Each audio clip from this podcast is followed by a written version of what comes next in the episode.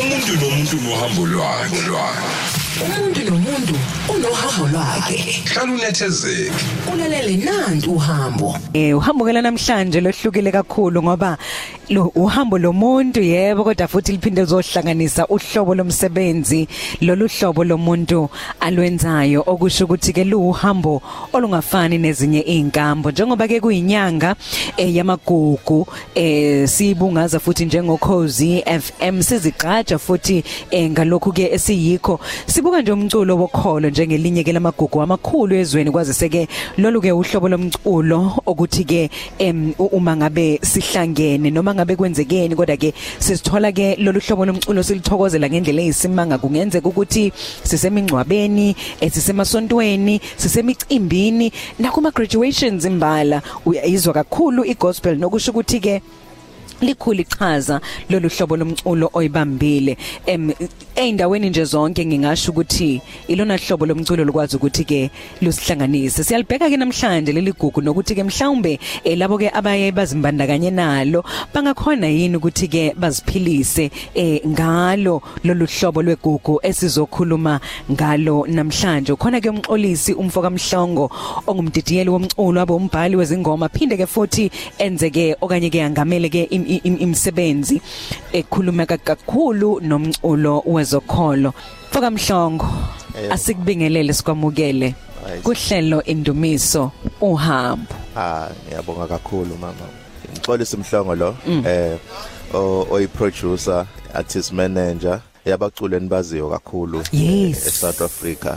Uyongane except for KZN nje bayaziwa yonke indawo. Umxolisa imhlongo ke lo jabula kakhulu kuba sekhosini i think it's been a, a while umuntu angafiki kula azokhuluma ngezomqulo nokuthi nje igospel isasasalayo lingakanani eNingizimu Afrika uyazi mangabe ukhuluma already usezwile umlaleli ukuthi okay so umxolisa kusiyena wase KZN Yeah. mangabe thi umculo athi umculo em mhlawumbe wale koSwatini Yeah. ithabuka phi letsizwe Okay, u- umama wami ungumswati. Mbamba So, I'm so lijaha lelihle Yebo, so umhlongo lo it's from ubaba then but umama ngispend isikhathi naye kakhulu Okay. semncane up until ngize ngakhula nje. Umuntu ohlala eMpumalanga afike eJoburg ke sengila kubo 27 ish sengumdala.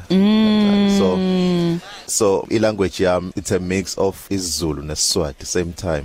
Uma ngikhuluma nje ngimixa same time isiZulu nesiswati. Nesiswati. yeah because ubaba umzulu umama umswati. From so Mpumalanga umama yena from- umabani umanxumalo ah mazwide Yes, so bakhona ozwide nale Bakhona. e- e- eSwatini? Kakhulu kakhulu. Umhlongo nje ugcwele kakhulu eMpumalanga province ile leya la South Africa naseSwazini. But bancane ke Swazini Swazini as in eSwatini. But nje unqumalo nomhlongo there it's a lot of them eMpumalanga province. Njomane bu- ng- ng- ngicabanga ukuthi mhlawumbe ungomunye wabantu esibabone bewuvusa lo- lolu hlobo lomculo wegospel. Yeah. ngani? Ngoba bekuwumculo okade ke u- u- uthokozelwa kakhulu esikakhulukazi ngesikhathi sama 90s Yeah. kodwa ke sabone ngathi uyafiphala eh, ngokuhamba kwesikhathi mhlawumbe ke ngokufika komculo njengokwaito Yes. eh uyabona sayibone ngathi gospel iyehla. Kepha ke nafika eh ngizonibiza ngama young lions. Angena ama ama young lions ayithatha inkundla. Sabona kufika abaculi abanjengosifiso ncwane kwafika oduma imkokstad em sabona ohlengiwe emhlaba abafika nesiqi esehlukile nesesingazazi emculweni wezokholo. Nikwenze kanjani lokho umxolisi mhlongo i think ngokubusiswa uNkulunkulu ngaletha nje isound entsha ebeyingekho. Yeah. Even ukudlala lokho kogubhu wakudlala ngendlela nafika nadlala ngendlela ehlukile. Ngaletha nje isound entsha ku music ngavele kwaba different from into ebeyenziwa ilaba ebeba before thina. Abo Rebecca abo Vuyo then some modernizer leyo sound sayenza ukuthi be relevant from youth up until ebantwini abadala. So you will be shocked nokuthi uma ngize Joburg ngizojoin i studio ngasijoin i cut and edit bengizela ikwaito kahle kahle Joburg okay. So i used to love iTKZ kakhulu.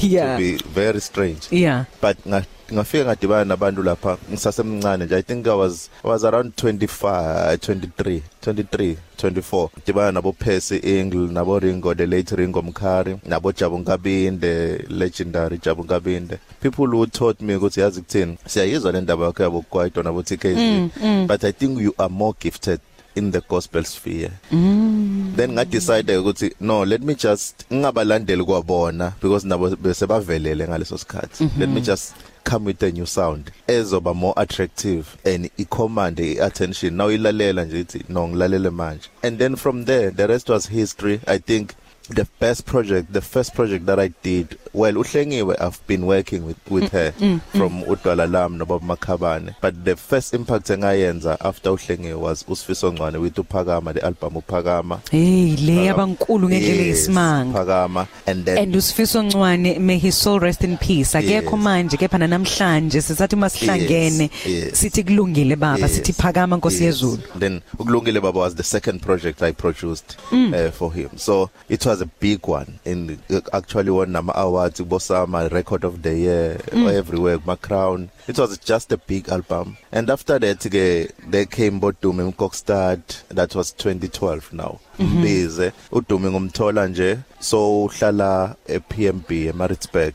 Eh uloku yangilandelela baba umxolisi uloku ngihamba nohlengi uyangibona nangihamba nohlengi kuma yeah events. unayo nayo lentshisekelo Eh eh, uthi hey bamxolisi ngiyacela ungisize yazi because uDumi ukhumbule bekaphethe uBig Boy Mlangeni asebula music nabo Lundi nabo nabo bosifiso bebase ebula music nabo Sichaba yeah. Then I decided ukuthi no yazi kuthini? Let me take this boy because kudala ngilanda every event engihamba kuyo eDurban or even in KZN uyafika. Mm. uyafika azoconvince to work with him and ngimsize ab- abe umuntu Yeah. and I just decided ukuthi no I'm going to do it it took a year though of convincing ukuthi angumsizi mm. so eventually ngamthatha and we started ngombize which became huge now. hey so uNkulunkulu I think has been there for me because I wouldn't say ngumxolisi mhlongo owenza lokho. I think it's just God given talent that is undisputed ebuya kuNkulunkulu. And engithi uma ngilenza uma ngil implement alivele lishuthe straight to the top. Angazi kwenzeka kanjani nama nginayo into engingathi ngakutshela yona ngithi yeah ukuthi nansi recipe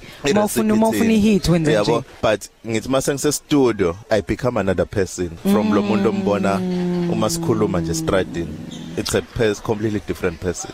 Wow. So- Uyazi ngishilo mangabe siqala la mxolisi ngathi um u- u- uhambo lakho lizokwehluka kakhulu ngoba sikhuluma ngawe as umxolisi kodwa sizophinde futhi singene kakhulu nakuleli gugu oliphethe Yes. okuyigugu lomculo. Yeah. Now ake sibuyeleke kumxolisi mhlongo. Um ukubalulile ukuthi ukufika kwakhe eGoli ufike njengomuntu obekade e- e- e- e- e- e- e- ethanda kakhulu umculo wekwaito Yes. wazwalisho futhi neqembu lakho bukade lilandela Yeah. ngaleso sikhathi. Now ngifuna ukubheka ukuthi umuntu owufundele umculo so une talent yebo. Kwenzeke kanjani? Uqale waye esikoleni wawufundela umculo wase usubona ukuthi hayi nayi into enga- indlela engaphila ngayo noma uqale ngokuthi uzifundise wena ube lo muntu esithi self taught bese uyabona ukuthi kufanele ulilekelele italent lakho kwenzekeni. self taught uh I, le, I, I, le, let's start there so mm -hmm. into yenzekile from the youngest age nje bewumuntu othanda ukudlala i-keyboard Okay, okay. my parents ama ngithengela i-keyboard Yeah. semncane ngidlala imishado we imvuselelo you name it nemingcwabo. So vele nje from a young age it has been a talent engibe nalo from God ukuthi this is my route. Then ke after that mangifika e- eGoli i realized ukuthi okay just to ukuthi up ibe ilento e recognizable angihlangane nabantu aba angeke ngisho ukuthi ngiye ku formal institution Yeah. ngayo yenza. I just sat down nabantu abayenzile before mina. Mm -hmm. guys what is the new way of working? This thing ukuthi ibe inkulu than it is mm. ahlangana ke nabantu advise me engineers engineers and then from there mina it was up to me ukuthi ngizidevelop ngibe ilento engibe yiyo up until now. Kahle kahle more than anything it's god given talent. Uh i-training ye-practicality ngiyenze nje e-cut edit studios sengiphakathi already. Yeah, in terms yeah. of i- i- i- i-gift sengiphakathi and senginendlebe yokuzwa ukuthi okay umuntu ngingathatha umusic wakhe ngiwuchange ngu- ngiwenze ube ilento le ekufanele ube yiyona. So i think it, it's more than anything it's god given talent. And i ngiyakuthanda ukuthi kuyona yonke inkulumo yakho ubuyela ngaso sonke isikhathi uyabuyela ukuyo ukuyosho ukuthi nango ngumnikazi Yes. wakho konke nango Yes. ngumnikazi em waleli talent enginalo nango Yes. futhi owaziyo ukuthi uma ngikhipha ingoma ngoba ngicabanga ukuthi enye into engake ngakubuza yona le em Njomane masihlangana nawe ngelinye ilanga ukuthi wenza kanjani wena ukuthi wo- yonke into oyithintayo ivele nje iphumelele Yeah. Ku- ku- eminyakeni engemngaki Eh. usiqhamukele nojumbo how Eh. nakuthi ubuse into enkulu Eh. G- kade sisababaza indaba kaDumi Mkokstad Yebo. kanti futhi kuwo lo mnyama bethi sababaza usifiso ncwane Yebo. hayibo uhlengiwe emhlaba uyakhumbula ngesikhathi Yebo. efika nobani nobani ezibuza ukuthi lo oculayo ubani Yebo. ngoba sasinga sasingamazi uhlengiwe Yes. singazi noma em, u- uyabona uhlengiwe una level ise deep Yes, lokuthi uma umuzo okokuqala ngathi cula indoda cula umuntu wesilisa so uhlengiwe wana- wana wana- wana lelo dumela and to think ukuthi bonke labantu em sibaze bafike ngomxolisi imhlongo Yeah. now uyabona ukuthi ngempela ngempela kusho ukuthi umuntu u- uNkulunkulu lokho akuthwala from day one Yes, yes. I think I appreciate God more than any person Mm, okhona emhlabeni because singasho ukuthi bani bani ukusizile Yeah. wakuboleka imali or wenza in in but I think I but appreciate ukuze akusize kube Yes, uNkulunkulu yes, ombeke lapho ngaleso yes, sikhathi Yes. So yonke into iba appointed by God's timing. I think yonke into nje uNkulunkulu uyayiplana, siyaplana thina siplane siplane uthola ukuthi asisaphumeleli ngokwama planet. uNkulunkulu knew ukuthi mina one day ngizosebenza nalama artists lawo. and I was in a young age uma ayenza lento leyo very young age but why manifesta uma sengifikile ke goli wayibona ukuthi this is the time my son wayenza ngendlela yakhe. And to be honest abantu abaningi bayathuka uma bangibona bacha ukuthi indoda endala. Yes. Enomkhaba omkhulu. I'm just a young man. I'm really I'm really young. Angikakhulu kakhulu to be honest ngiyaqala ukuza umuntu ethi I'm just a young man. Kakhulu. ngawe To be honest, themba ukuthi wokugcina lo ngimzwa just a young man. No no no no angikhulanga kakhulu. I'm just a boy who's honoring God on daily basis for izinto amenzela zona. uNkulunkulu has been with me Thembeka in the darkest of of places. And mm. so I'm here because of uNkulunkulu. Lokho engikwenzayo ngabodumi nabojumbo nabohlengiwe nabobethusile. Okhole osisikhole osisikholega ngangasebenza naye. It's it's it's simply because of God. Nale talent anginike yona. And I always celebrate this heritage yomculo because it's God given and uNkulunkulu uyowenza ukuthi si celebrate even this month ye heritage today. Yabo he has availed us ukuthi sibe khona siphile kulelanga or even this month this whole month to be honest. Mhlawumbe ke uma ngabe sesibuya em njomane kamgabi ngiyafisa ukuthi ke sibheke kakhulu kakhulu le eyokumanage ama artists nengicabanga ukuthi akusiwona umsebenzi olula futhi Yes. baye bathi it's not for the faint hearted Yes. em ukuthi sikubheke kabanzi sikucubungule singene kukho. Yebo. sizwe kabanzi ngakho. Athi no siyabuya problem. Baba kulungile makuyintando yakho okwenzeke empilweni zethu.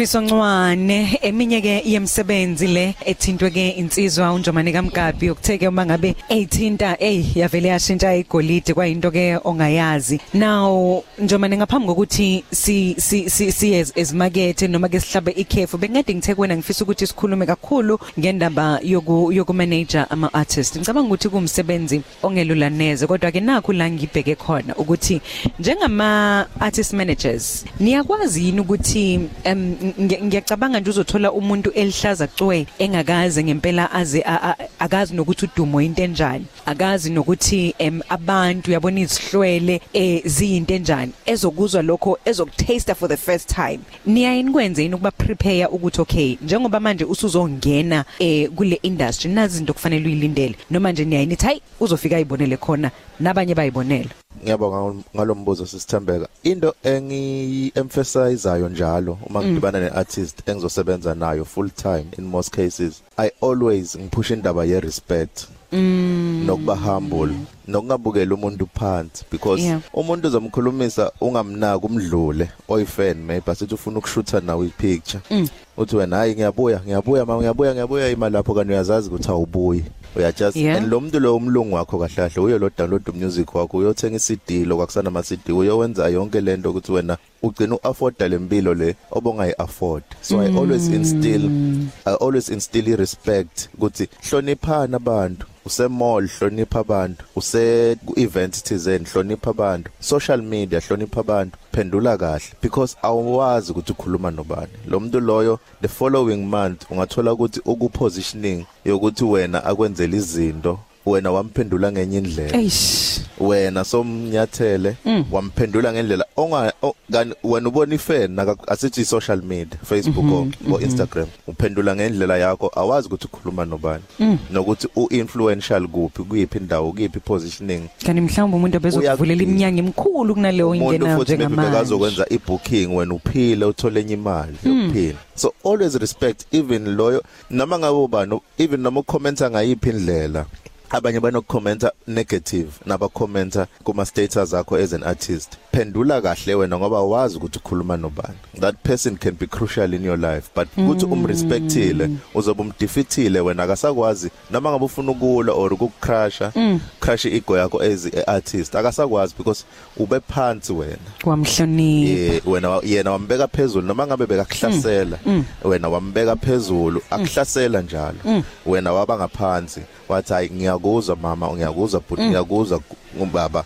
Wena iba phansi so that that's why i think hence ama artists engisebenza nawo na unganaka abo Jumbo nabo Dumi kure ukuthi uthole ukuthi kune issue nabo bethusile n- ukuthi kune kune issue yokuchoma or no- noku nokuphakamela abantu as such if there is anything eyenzekile i quickly rebuke that. Ukuthi you must go back to loyo muntu uxolise manje.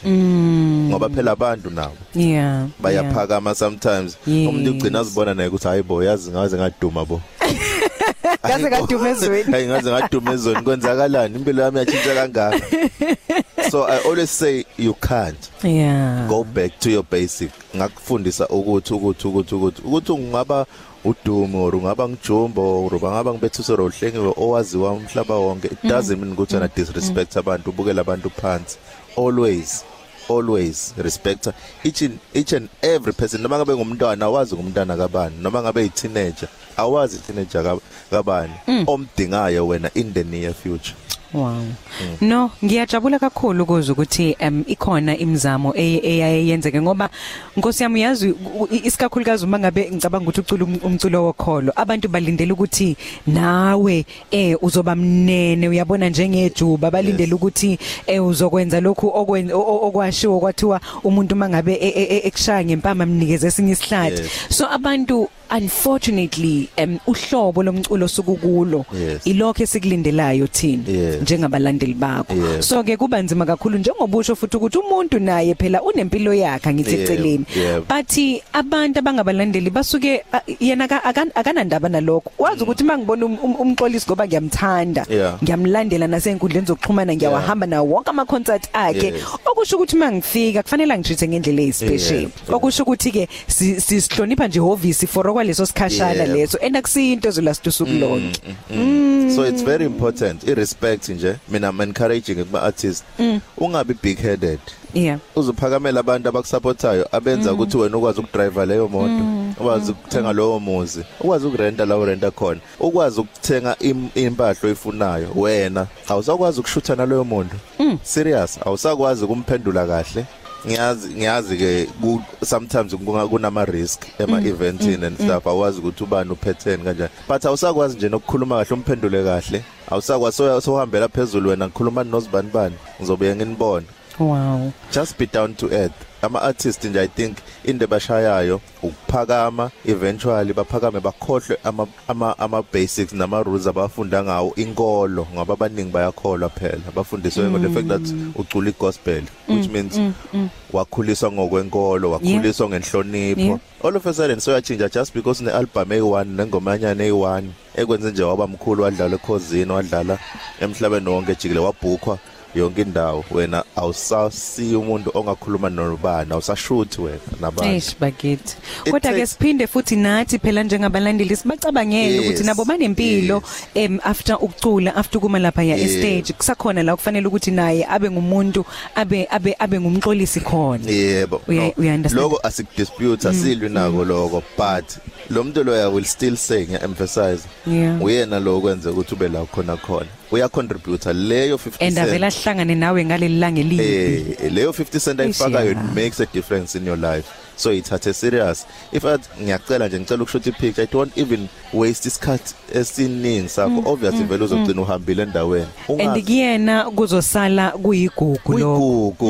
Any brand yakhe iyakhula ngaleyo ndlela because wena uzinikile isikhathi salomuntu lo onganakekanga emphakathini washutha naye. Mm. Uyazi ukuthi ezingikhuluma nawe baningi abangenayo abasho ukuthi hayi siyayazi leyo nsizwa bangathumela nabalalela ama voice note uh, ku 0716136667 ngibona la insizwa yakwanxumalo usiya. Uthi ke na awu ngiyazi kakhulu leyo nsizwa. Uthi ngiphuma kwa Kenya na kwa Tanzania Mozambique kungenxa yakhe. Uthi ke siyabonga kakhulu amagalelo akho mfoka mhlongo nobaba uThemba Njilo. Uyasho naye ukuthi cha uwazi kakhulu amagalelo akho mfoka mhlongo.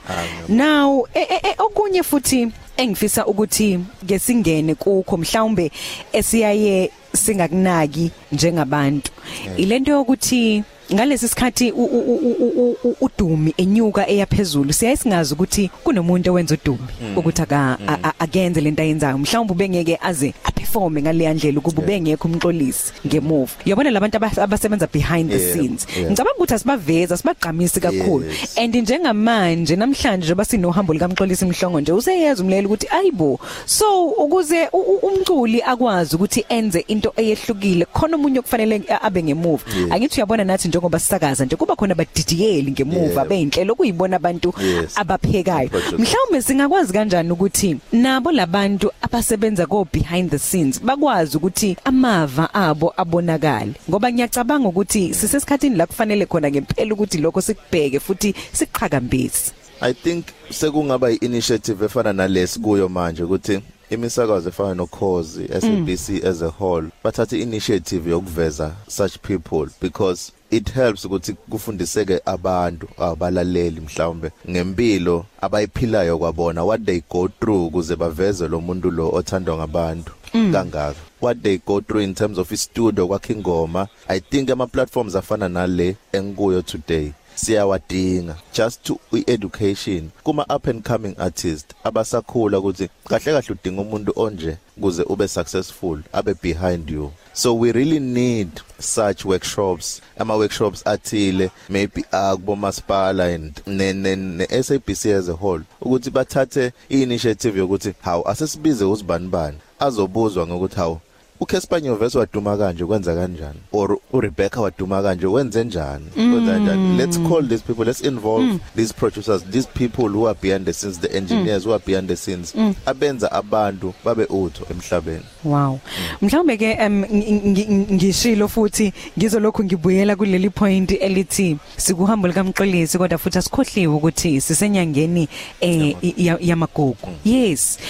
Kukhona mhlawumbe wena njengomxolisi noma ke nje okuhlelile ukuthi na indlela mina ngizobungaza ngayo lenyanga noma ke nansi indlela engifisa ukuthi ke ngibuyisele ngayo ngikhombise futhi ukuziqatsha kwami njengomuntu omnyama. well um well siyachubeka siya siya release ama project amasha mm. nabo bethu sile mm. i think there's a new song at ethi ngena no wawudumo ya release naye this year we are doing new music for abantu the most important one it's where sizogedarisha khona on the 30th of September eMandeni nokubambisana nomasipala waka waseMandeni sizobe s- sine celebration enkulu lapha eMandeni Yeah. whereby siyobe sigubha sivala inyanga ye heritage Oh. Yeah, mm -hmm. siyobe sivala inyanga ye-heritage mm. eh whereby siyobe sibungaza khona i-heritage eh kuyobe kunabodume bonke laba bacule engisebenza nabo bojumbo mm. nabanye ke sicubile ke nabo maskandi bokhuzane nabo into encane nabo DJ Tira kuyobe kumnandi nje es- esibusisiwe hall This Ngi- coming ngifuna Friday. ukuchallenge mina eh wena mxo ukuthi this time next year Yeah. anike nenze ingoma ezobe ibu- ikhuluma ngalenyanga Okay. yamagugu okay so le lengoma le okusho ukuthi niyoyenza ibe ingoma ethinta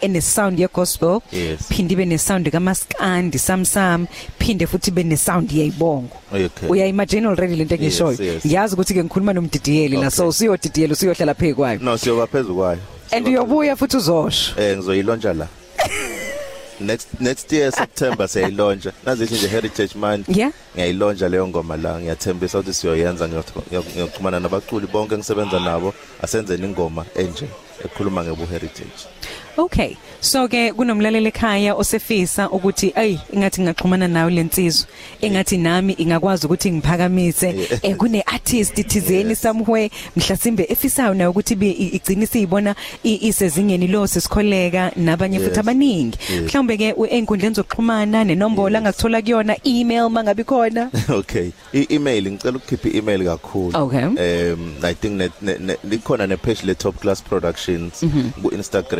Eh likhona liyatholakala ne-bold communications. Ikhona kubo onke amakhasi okuxhumana. Eh i-email ithi mxomhlongo 01@gmail.com mxomhlongo 01@gmail.com singaxhumana ngaleyo ndlela nalamakhasi engikhulume ngawo e-social media. Okay inombolo cha cha cha.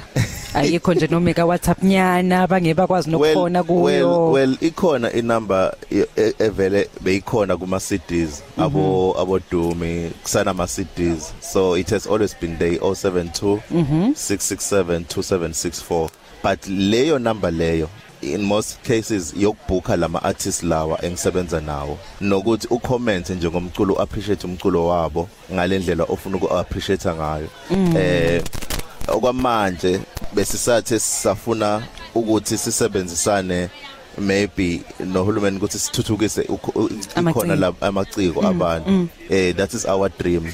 Ukuthi njengoba industry change kanje akusekho ama CDs manje sekune digital Yeah. kuphela let's let's try ukuthi sisebenzisane no- nohulumeni ukuthi sikwazi ukuthuthukisa abantu. Bantu bakhe- ba talented emakhaya kakhulu. Bayalidinga usizo. Ngihle kabina imessage kaXola weKZNCC ubuza ukuthi uyakwazi yini ukuxula ukucula yena umxolisi? Hawa ngikwazi awukwazi? Hayi angikwazi axhumana la. Angikwazi nje ukucula angikwazi. Angikaze futhi ngicule but nginendlebe.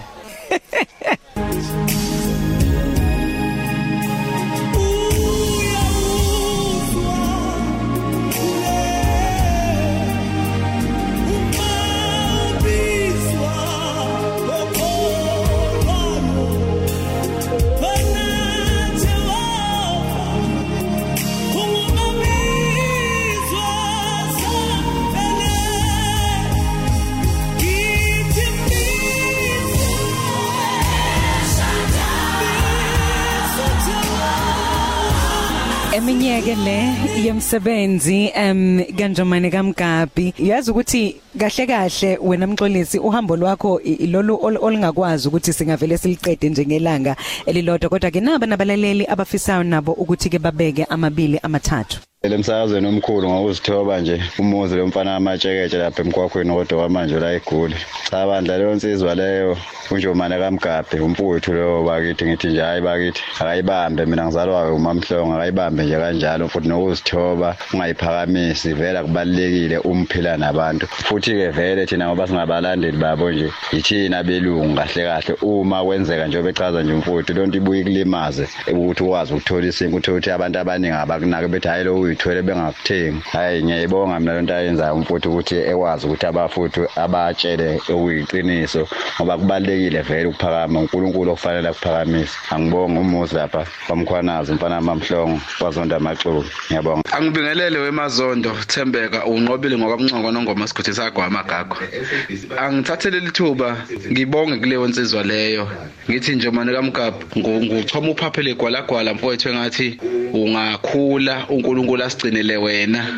Ngoba nithinta iphuze libalekile lathi kunabantu abanganakwa laba aba behind the scene othola ukuthi sizobona umculo othize nje esevelele. Kanti kukhona umuntu omenze wayilento akayiyona singabalandeli ke nje sifisa ukuthi bhebhe engathi uNkulunkulu engakugcina nje mane. Siyabonga kakhulu ngegalelo nalo emculweni wegospel. Unqobile ngwakamncwangu ngwanongoma wakho kwagoba amagagu danko. Siyabonga kakhulu. Asibonge futhi nakuwena njomane kaMgabi ngokuthi usiphe isikhatsi sakho namhlanje uzosinekela inhliziyo yakho. Yeah ngibonge kakhulu. To Cause FM ngibonga nje ihosting en- enhle kangaka. Ukufika la ngiyazi isikhathi besinganele kakhulu kuningi esingakukhuluma but ngelinye ilanga we'll have enough time. Sibe broad sikwazi ukukhuluma ngayo yonke into. Sikakhulukazi mase sibuya naleya ngoma. So this year ni celebrate ngokwenza umcimbi Yeah. wamaciko ahlanganisiwe. Yes. gospel maskandi njalo yeah njalo. 30 September Monday. Then ngonyaka ozayo sesibuya nengoma ke manje dedicated to this month yes. Ola ngiyathanda ke lapho. Umlayelo cause FM besikade ke sikhuluma naye insizwa umxolisi umfo kaMhlongo. Esimbone ke esebenza ke nabaculi abaningi kakhulu eh nabakhulu futhi khona la ezweni lethu. Umuntu nomuntu nohambo lwakhe. Umuntu nomuntu unohambo lwakhe. Hlala unethezeke. Ulalele nantu uhambo.